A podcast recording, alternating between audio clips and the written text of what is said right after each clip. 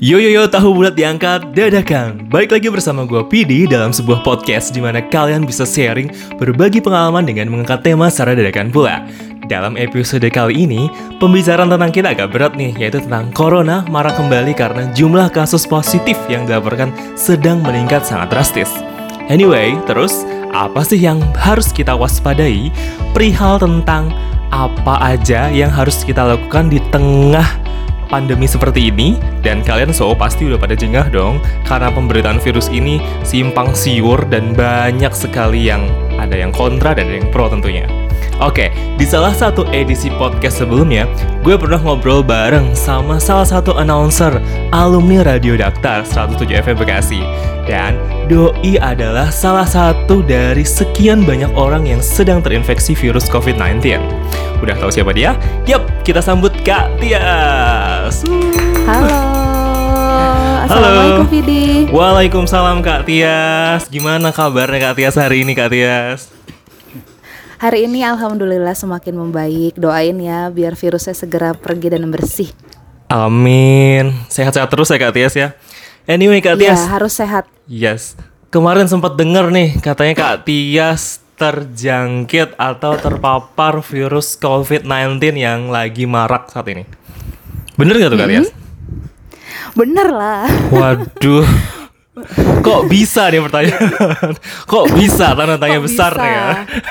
Ya, Ya, gimana kok tuh? akhirnya bisa ketahuan kalau Nah. selama ini sakitnya sakit COVID ya gitu ya. Iya. Bisa diceritain sedikit atau di banyak juga nggak apa-apa sih. biar biar pada aware juga kan di luar sana yang mungkin masih eh, ada yang percaya dan tidak percaya juga kan. Coba gimana Kak Tias?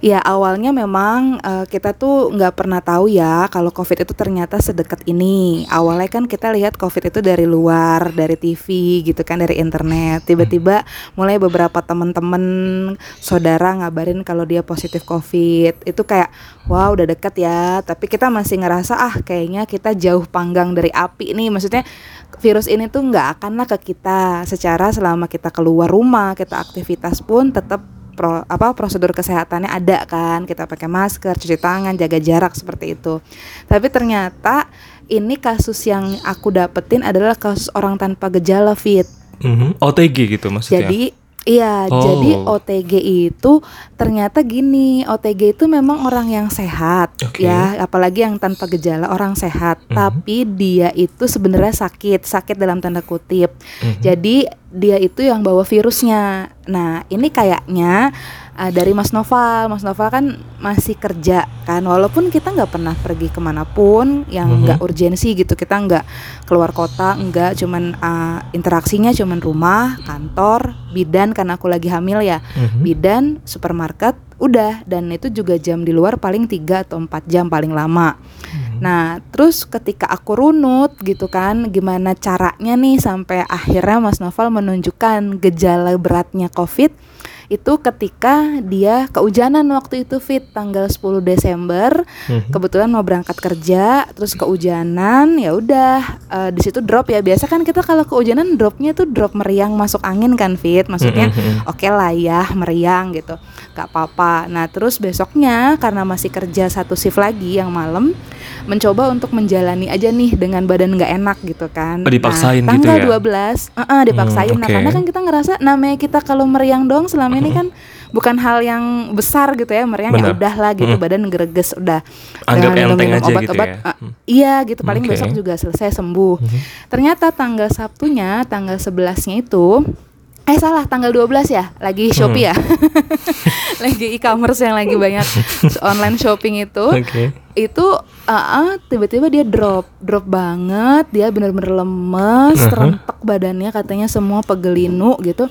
Akhirnya aku bilang ke dia ini gimana rasanya hari ini makan nggak enak gitu. Dia udah mulai hambar nih. Eh sakit tenggorokan Jadi cuman nggak? bisa sakit tenggorokan Oh. belum, tapi udah mulai hambar. Oke. Eh, makan cuman asin doang. Mhm. Bisanya cuman asin atau pedes. Dia nggak bisa tahu rasa ayam itu gimana. Yang dia tahu cuman ayam tuh asin, ayam tepung tuh asin gitu. Mhm. Tapi dia nggak tahu rasa ayamnya Oke, gitu. P- Pedes sambel gitu. Jadi nggak tahu rasa santannya kayak gitu. Bikin gulai itu Mhm. nggak tahu gitu kan. Udah mulai curiga nih. Terus tiba-tiba dia bilang kok parfum kamu nggak kecium ya? Dia ngomong gitu. Suamiku bilang gitu sendiri. Oh mati langsung rasa jadinya ya indra Ah, ah, langsung nggak Oke. bisa nyium nih anosmia ya namanya bahasanya anosmia mi- ya. Mhm. anosmia itu kan terus wah udah gejala nih gitu kan. Soalnya biasanya sih kalau buat kalian-kalian yang mungkin selama ini ngerasa gejalanya saru sama flu atau meriang atau pegelinu ya nggak apa-apa gitu kan. Itu Mhm. bener juga gitu. Tapi satu hal yang pasti yang bisa hampir pasti itu covid biasanya anosmia fit.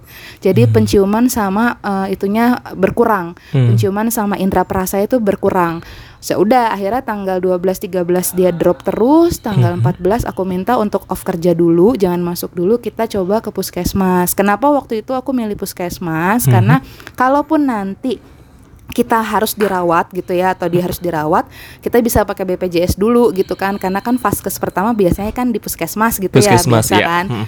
Ha-ha. Nah ternyata di puskesmas itu memang ada beberapa sudah ada satgas covidnya fit. Hmm. Ya udah kita diobservasi di sana, dikasih tahu gejalanya dan aku juga bilang bahwa sebelum Mas Novel eh, drop itu tanggal 5 Desember aku sempet yang kayak badanku sakitnya luar biasa gitu. Hmm. Aku pikir karena hamil, balik lagi karena hamil.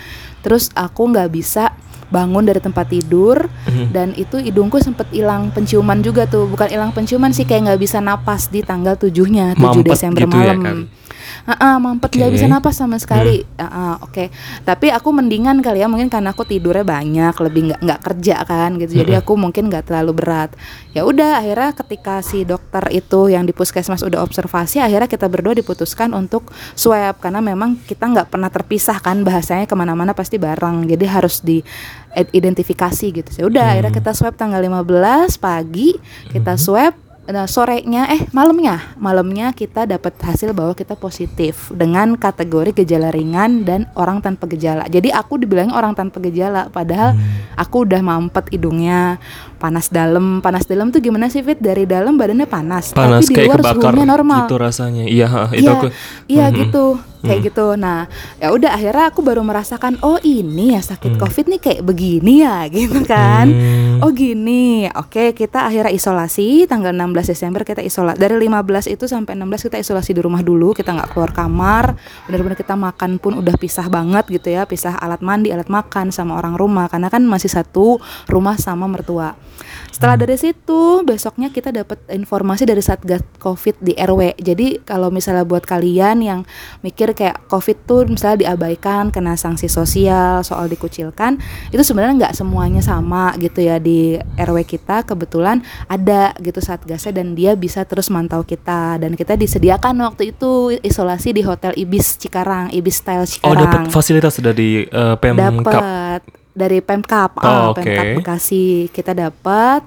Akhirnya kita di sana, dilalah sampai di sana. Mhm. Ternyata kontraknya itu hanya seminggu atau 8 hari. Jadi tanggal Oh. 24 Desember 2020 walaupun pasiennya itu masih positif saat di swab tetap harus pulang.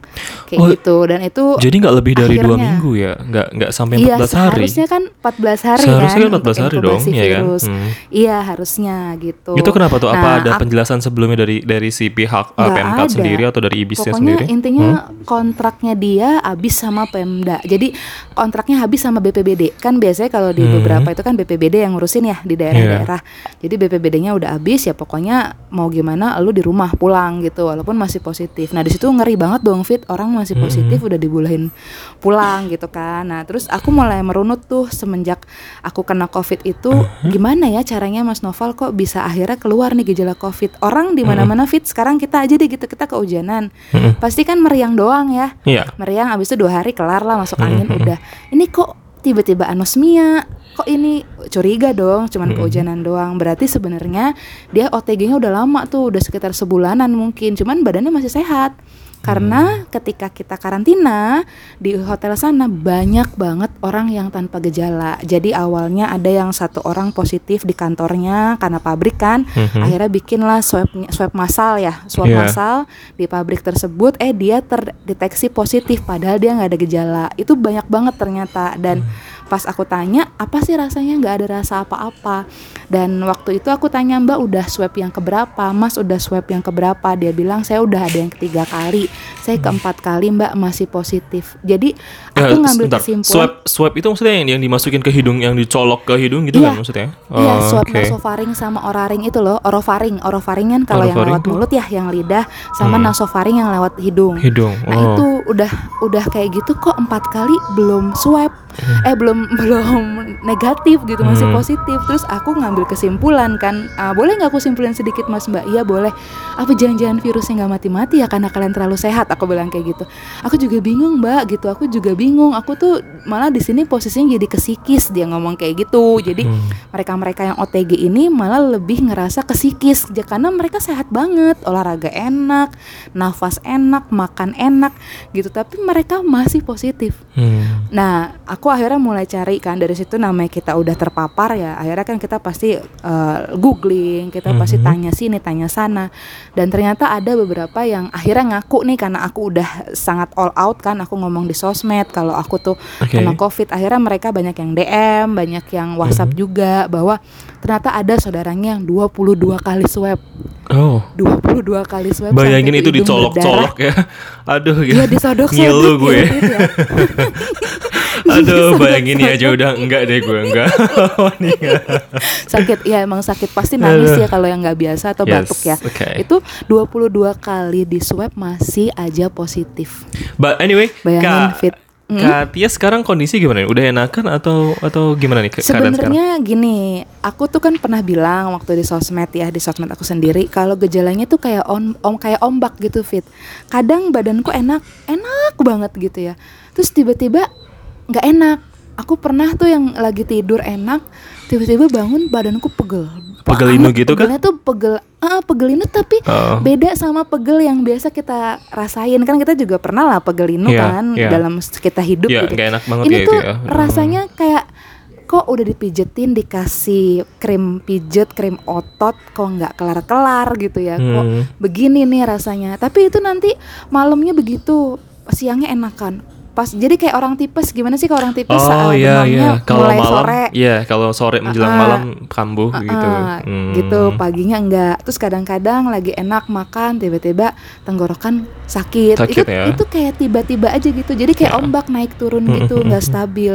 Emang emang hard to explain. Bener aku cerita apa pun yang ada di sosmed itu bener apa yang emang aku rasain kayak gitu. Dan Mas Novel juga gitu. Dia batuk kadang biasa aja. Kadang batuknya sampai yang kayak harus keluar reak gitu ya keluar dahaknya kayak gitu pokoknya gimana ya emang maaf nih bukan yang ngedoain tapi kadang-kadang kita bilang "Eh, mungkin untuk memahami memang harus orang terdekat atau Oke. siapa yang kena Hah? baru ngerti gitu Hmm. gimana penyakit ini kadang Hmm. karena memang hard to explain dan ya itu fit nyaru eh, penularannya juga kita lihat kayaknya Hmm. kalau sama flu atau meriang itu lebih cepat ini ini hitungan detik tuh bisa nular gitu Hmm.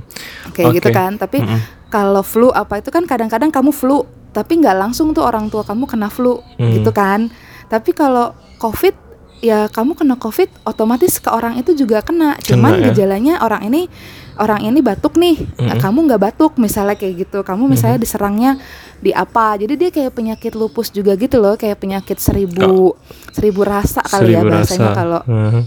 Iya, jadi bisa lo nyerangnya ada yang ke titik lemah, bisa nyerangnya ke paru-paru, tiba-tiba yang sesak nafas atau bisa jadi pas awal belum pas di swab itu lo bilang OTG, tapi tiba-tiba mungkin karena lo akhirnya tahu lo COVID, terus ada dampak psikis ya, kena lah kepikiran, Oke, barulah muncul muncul itu. apa gejala-gejala beratnya Yap, kayak yap. gitu ada.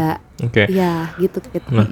Nah, terus kalau untuk yang ini Kak, gimana sih? Eh, kan selama berapa hari tadi? 8 hari ya di Ibis Hotel ya dari Pemkap 8 hari Bekasi. sejak positif. Nah, itu Mm-mm. penanganan dari medisnya itu adakah atau seperti apa tuh penanganan medisnya itu dari pihak mananya tuh? Ya, Pemkap ya. jadi kalau penanganan medis bener, memang aku akuin mereka keteteran fit. Jadi waktu awal-awal aku masuk, mereka masih sering kontrol kita. Tapi alat-alat kesehatan lengkap kan di sana maksudnya? Enggak, jadi Enggak juga? cuman suhu Oh. tubuh aja. Iya, aku pikir aku bakal dicek saturasi kan, saturasi Oke. oksigen pakai oximeter ya fit yang Mhm. biasa kita lihat ya. Aku pikir aku bakal dicek itu enggak. Jadi mereka cuman mastiin kita suhunya normal gitu dan karena kita dianggapnya sama mereka, mungkin saking banyaknya pasien dianggapnya sama mereka kita hanya orang gejala ringan atau OTG. OTG. Jadi nggak Oh. perlu yang terlalu banyak eh, mendapatkan banyak penanganan lah gitu. Walaupun aku lagi hamil nih, aku bilang aku lagi hamil tua gini. Tapi mereka bilang nggak apa-apa bu, ibu nggak usah minum obat. Emang kita nggak ngasih obat, kayak saya kasih ke bapaknya aja ya gitu kan. Hmm. Nah ibu minum yang vitamin aja, vitamin hamilnya diminum kayak gitu. Ya udah, jadi memang aku harus survive sendiri. Saat itu aku ngerasa kayak wow, ternyata sebegininya ya. Kalau lu belum pakai ventilator, Mhm. lu belum masuk ICU atau lo belum sampai yang sesak napas, saturasi lo masih aman, masih Dan lo tetap Oke dibiarin aja mungkin. gitu dengan Iya, dengan gitu. penanganan yang Padahal- standar gitu ya, dengan Betul, asumsi Eh, orang-orang seperti OTG itu tidak perlu dengan perawatan atau intensif khusus seperti itu. betul. Wow. Itu sedihnya di situ fit. Itu kayak semacam gambling juga loh. Hmm.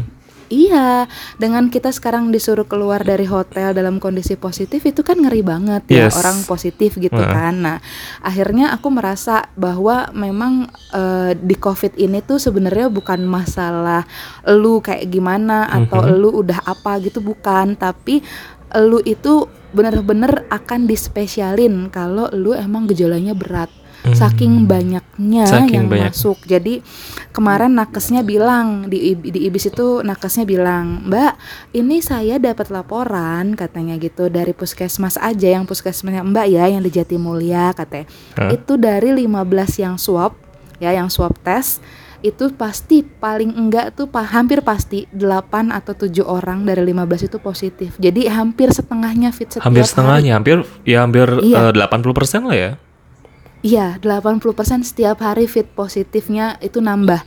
Jadi banyak yang akhirnya nggak dapat tempat eh, isolasi gitu dan aku itu tuh fakta gitu benar-benar yang kayak wow penuh semua ya gitu kan Mhm. sampai aku bilang aku nggak ada rumah sakit rujukan nih buat ibu hamil buat diperiksa gimana kehamilanku gini-gini nggak Oh, nggak ada ada prioritas juga Karena untuk untuk untuk ibu hamil ada. gitu. Wow. nggak ada aku sampai minta tolong sama rumah sakit RSPAD Gatot Subroto kan katanya ada beberapa Mhm. uh, mes untuk ibu hamil kan terus juga di rumah sakit Fatmawati sama di rumah sakit Pertamina Simpruk yang kita lihat memang diberitakan mereka rumah sakit khusus covid ya Fit ya Ya. itu juga semuanya penuh di rumah sakit umum daerah kabupaten juga kayak gitu hampir semua juga penuh Semuanya jadi full ya. jadi full gitu terus aku jadi ngerasa gini wah ternyata bisa jadi nih fit orang-orang yang mungkin selama ini kan kalau kita di puskesmas kita di swab pertama nah Mhm. harusnya kan kita kayak yang lain dong di swab yang kedua kemudian di swab lagi yang ketiga gitu Ya, ya fit ya mhm. untuk bisa nge-tracking status kita masih positif atau negatif gitu Hmm, kan Benar. ternyata ada beberapa uh, pedoman. Jadi di nakes itu ternyata juga sekarang bisa ada revisi pedoman baru bahwa untuk orang-orang tanpa gejala atau yang bergejala ringan apabila sudah 14 hari karantina dan tidak ditemukan gejala yang terlalu berat sudah bisa dikeluarkan surat sehat tanpa harus swab ulang. Bayangin gak Fit, kita Oh. sebagai orang yang kena positif terus kita Mhm. cuman dianggap sehat tanpa diswab lagi. Sehat tanpa Saking- disuap lagi. Eh-eh. Jadi kita belum tahu nih kita sebenarnya udah negatif apa belum. Oke. Ngerti nggak? Itu kayak semacam Iya kan? gambling itu sumpah itu gambling banget. Itu gambling. Jadi kalau misalkan eh lu nih tanpa OTG nih terus ah nggak ada tanda-tanda gejala apa pun, gak usah di swab lah, langsung terbit lah surat sehat dari eh Ya. puskesmas apa dokter tadi? Iya, berarti pokoknya intinya tenaga kesehatan lah dari tim medis. Lah kesehatan gitu itu ya. intinya. Oke. Uh-uh. Dan Nah itu Oh, oke. bayangin fit Hmm. itu sang dampak psikisnya ke kita nih ke Pak seba- kita kan pasti jadi kayak orang yang ngerasa berdosa nggak sih? Wah, Ya otomatis kan setelah siapa aja sih setelah Ya tujuh kan? hari itu kan kelar tuh dari ibis kan kak lo kan keluar dari hotel nih Uh-uh. terus Uh-uh. anyway back to home dong ya kan ke tempat tinggal lo yang Pasti. ada RT Pasti. RW dan ibu-ibu tetangga kanan kiri lo itu nah iya, gimana sih ada mertua gue nah ya oke nah gimana sih eh, reaksi dari sosial sekitar eh, tempat tinggal kakak itu eh, tentang stigma-stigma negatif dari pasien COVID. Yang notabene adalah Nah. masih harus isolasi selama 14 hari kan? Karena kontraknya udah habis kan di ibis dong. Tujuh hari habis terus bener. pindah ke rumah. Itu belum sehat itu gimana tuh? Reaksinya ya jadi Nah. pasti kaget. Pasti seawal orang-orang tahu orang-orang tahu bahwa Katias itu harus harus. habis Ternyata pulang memang dari harus. oke Iya, jadi gini, setel, kalau misalnya buat semuanya nih yang mungkin udah swab test terus hasilnya positif, aku saranin langsung lapor ke RT gitu itu kenapa kita harus lapor mm-hmm. buat kita kasih awareness biar mereka juga jaga jarak sama kita gitu kan. Nah tapi biasanya kalau RT yang bener nih fit mereka pasti akan support kita. Jadi memang mereka punya dana anggaran covid dari oh RT. ada ada RT yang nggak bener masing-masing ya? RT ada. Juga mungkin. Uh, uh, ya maksudnya kalau yang bener ya okay. prosedurnya bener. Soalnya kan di beberapa daerah kan lu lihat sendiri di berita-berita ada yang dikucilkan ada yang nggak dikasih makan kayak gitu kan Nah, kayaknya itu kayaknya mereka susah. Anggarannya, kita tuh susah untuk ngebalikin apa namanya uh, uh, kepercayaan kepada pemerintah. Contohnya ada dana bansos covid aja dikorupsi sama menteri kita ya, sendiri kemarin. ya kan. Betul, betul.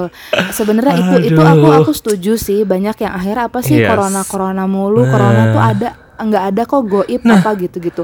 Aku pernah di posisi kamu di posisi pernah kayak gitu, gitu ya. yang ngerasa iya Tim pernah pro dan gitu. kontra tapi, ya. Oke. Okay. Iya, tapi akhirnya ketika aku merasakan itu, maksudnya mungkin aja nih kalau Allah nggak hmm. kasih hidayah Mas Noval itu kehujanan terus langsung greges dan langsung anosmia, mungkin kita nggak akan swab karena swab itu fit kalau di rumah sakit mandiri kan mahal banget ya. Berapa kalau tahu boleh kira-kira tarif? 1,3an. 1,3 juta. Dan sekarang katanya sih udah murah, udah 900. Dulu katanya malah 1,5. Bahkan pas awal bulan Maret waktu Covid masuk itu 4 juta kalau nggak salah satu kali wow. swab. Cuma nyodok doang ya, nyodok yes. hidung sama nyodok lidah doang ya. Mm -hmm gitu kan. Itu segitu fit bayangin gitu kan. Nah terus akhirnya dapat fakta lagi yang baru. Ternyata itu swab itu tuh juga bisa dibedain. Jadi tarifnya misalnya kamu bayar satu setengah kamu dapat hasilnya bisa hari itu juga dalam waktu satu jam. Kalau kamu bayar sembilan ratus ribu kamu bisa dapatnya baru tiga hari kemudian. Kalau hmm. kamu mau lebih murah lagi bayar lima ratus ribu gitu atau tujuh ratus ribu ya kamu baru dapat misalnya lima hari. Kalau lima ratus berarti seminggu. Kalau mau lebih murah lagi berarti berapa minggu. Dan itu Wah, bayangin gitu kan? semacam permainan tarif ya jatuhnya ya, kayak dan kayak, itu kita dikasih okay. dikasih pilihan nah hmm. itu itu kan bisa terlihat kan makanya banyak orang ya. sekarang lebih milih untuk ke puskesmas karena kan hmm. kan gratis di puskesmas dan tentunya itu dari dana pemerintah maksudnya kita kan bayar pajak ya kenapa hmm. kita nggak manfaatin kayak gitu jadi itu sih yang mungkin aku rasa dulu aku juga sempat ngerasa bahwa udahlah kalau kita sehat kita nggak usah swab gitu kan nggak usah kita swab swab test kita sehatin diri kita sendiri aja karena kita tahu itu mahal swab test cuman ternyata mungkin maksud Allah adalah lo lagi hamil nih gitu ya mm-hmm. mungkin maksud yeah. Allah ke aku tuh lo lagi hamil terus suami lo OTG tapi kalian berdua tuh nggak tahu makanya akhirnya dikasih lah mungkin takdirnya gitu ya dia harus keujanan dulu Mas Nova harus keujanan dulu mm gitu. Terus dia greges dia mulai anosmia barulah kita swab. Seandainya misalnya kita balik lagi ke belakang dia nggak swab swab nih mas karena ngerasa sehat mm -hmm. kan fit sehat banget gitu kan. Mm. terus dia nggak swab aku udah kayak apa nih gitu kan. Malah mm -hmm. bisa jadi kan kalau kita sekarang semua ibu hamil kayaknya di di masa pandemi nih nanti kita mau lahiran pun kita harus swab.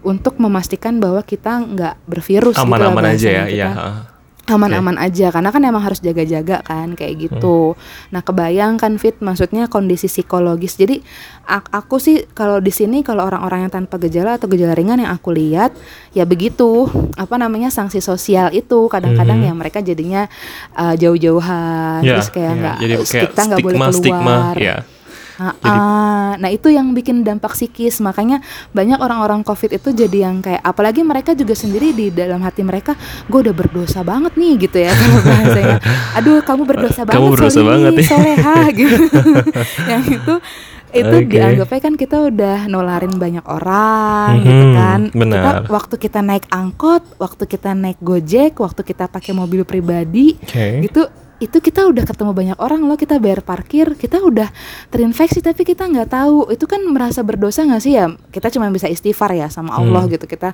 tobat cuman tetap ada rasa itu rasa bersalah gitu. Apalagi kebetulan Mas Noval dia kerja yang digaji setiap bulan aku kepikiran buat orang-orang di luar sana yang ya mungkin yang nggak punya uang atau yang kerjanya freelance ketika dia dikasih cobaan covid yeah. pasti lebih parah kan mereka mm -hmm. kalau nggak keluar nggak punya duit gitu yeah. gimana mm, -hmm, itu itu sebenarnya dampaknya di situ makanya OTG ekonomi ini sangat yang susah berdampak banget, banget loh kak itu kayak gitu iya hmm. OTG ini yang gak, yang susah banget di tracking karena memang tadi itu aku nggak bohong fit tiga empat kali mereka masih positif Bayangin udah berapa kali itu virusnya nggak mati-mati. Jadi kayak kayak lebih baik gue bergejala deh, gue bergejala, terus gue langsung doping vitamin, gue Mhm. minum obat gitu, isolasi, gue sembuhin, gue bersihin, terus gue negatif gitu. Karena reaksi Mhm. tubuh kita tuh bener-bener langsung bisa kebal kan.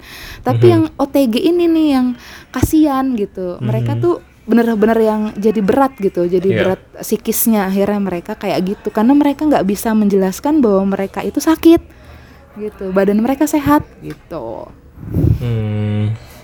Oke oke kayaknya apa penuh lika-liku nih tentang kalau kita bahas COVID-19 dari A sampai Iya. Z gitu kan.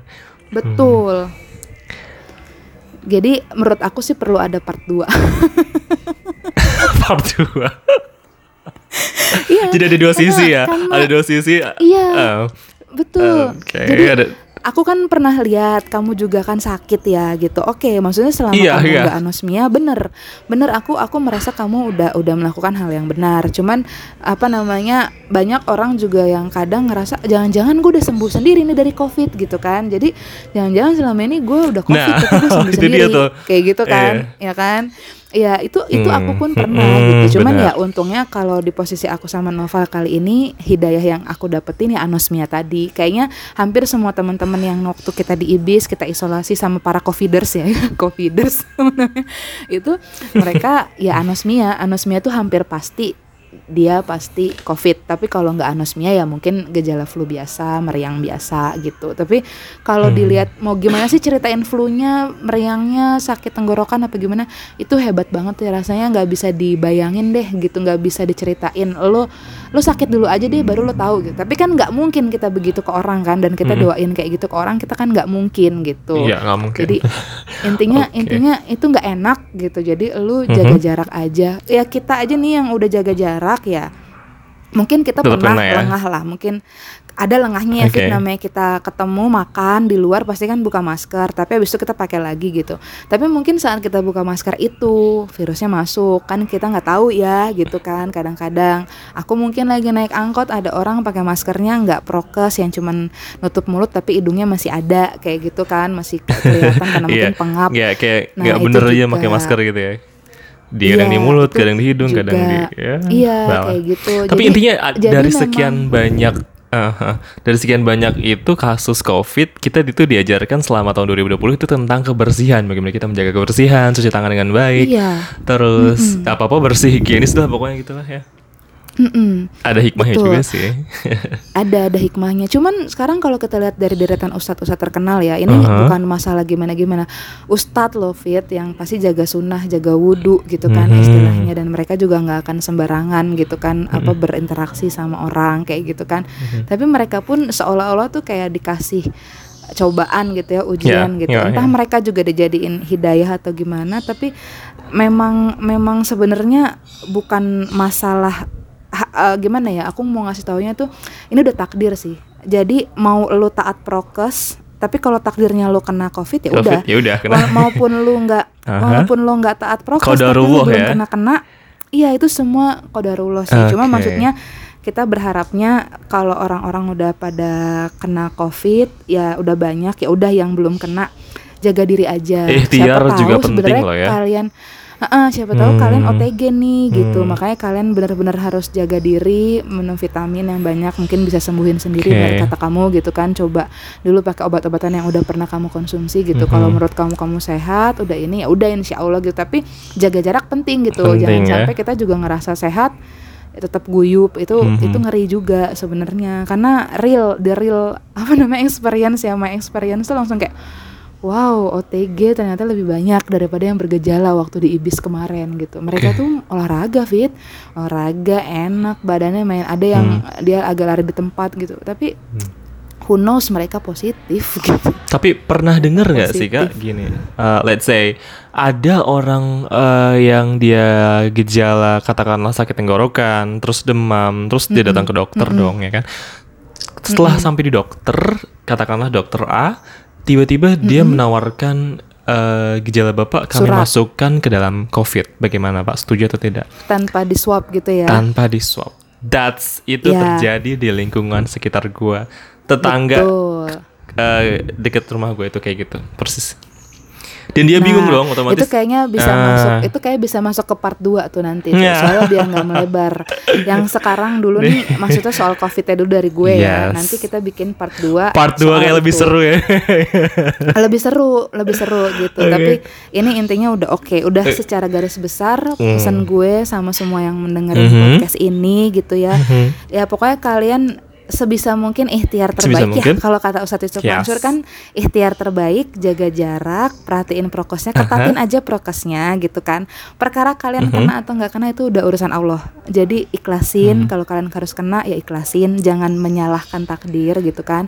Tapi kalau kalian belum kena ikhtiar aja gitu. Kalian saling jaga jarak karena kita nggak pernah tahu siapa yang bawa virus ini. Aku juga kalau ditanya di mana aku terpapar, apakah bener emang karena Mas Noval aja atau memang aku sebenarnya yang bawa ke Mas Noval kan kita nggak tahu kan. Mhm. Gitu aku yang bawa misalnya, apalagi di perumahanku sini ternyata katanya sarang covid. Jadi Sarang laporan di Covid. puskesmas itu, iya laporan di puskesmas tuh satu Oke. hari itu bisa ada 10 atau eh, lima atau 10 orang tuh yang dari Pondok Timur dari rumah aku gitu ya dari Oke. perumahan aku kayak gitu yang datang ke puskesmas jadi ya who knows siapa tahu aku di rumah aja tapi misalnya ketemu sama tukang tahu lah apa apa gitu ya Oke. interaksi apa segala macam nah aku kena nularin novel tapi novel OTG kayak Hmm. gitu kita nggak pernah tahu bener-bener itu misteri Allah sih Hmm, Yap. gitu Oke. ya Jadi kita udah Oke. petik itunya ya. eh, benang merahnya di antara apa kasus Covid adalah kita tetap harus menjaga jarak, kebersihan dan yang terpenting kita ikhtiar ya kan. Kayak Iya, kita betul, part Fit. 2 nanti kita lebih seru kalau bisa nanti em, kalau bisa sih ada waktu kita kalau udah sembuh semua kita face to face bisa kali ya kak ya. Nanti ada videonya Iya, gitu kan seru ya. ya udah kita bisa video. Kalau sekarang soalnya kan buat video atau kita misalnya bikin Mhm. gitu agak serem ya, karena kan apa aku juga belum enak badannya gitu kan. Hmm. Jadi pasti eh, nggak enak deh gitu di muka juga pasti keringetan karena badanku nggak enak gitu. Oke. Cuman mungkin nanti kalau udah semakin membaik, aku bisa bikin. Ya kalau misalnya harus cepet juga nggak apa-apa sih. Besok pun kita mau bikin part 2 juga nggak apa-apa biar nyambung gitu kan. Asik. Jadi orang nggak akan lupa gitu Siap. kan. Nanti kayak Ah, penasaran nih gitu. para netizen-netizen yang budiman udah gak sabar kayak nunggu part 2 antara pro dan kontra antara Iya, COVID-19 kan ya kan. betul, betul, betul, betul. Itu seru, seru banget. Nggak apa-apa, memang kita harus saling menghargai Yes, keyakinan yes, kayak masing-masing kan, masing-masing Fit? ya. Gitu. Oke, oke. Ya, oke. Oke, Yaudah, thank you so gitu much Kak aja. Tias. Informasi bermanfaat banget untuk Sama-sama, para Fit. netizen-netizen kita Spotify kita kali ini. And Iya. kita tunggu di part 2 ya selanjutnya. Iya. Siap-siap. Oke. Kamu sehat-sehat juga pokoknya. Sehat-sehat juga semuanya. Kak Noval juga sehat-sehat sehat. Kak Noval. Iya, oke. Terima kasih. Yo, Assalamualaikum. Waalaikumsalam.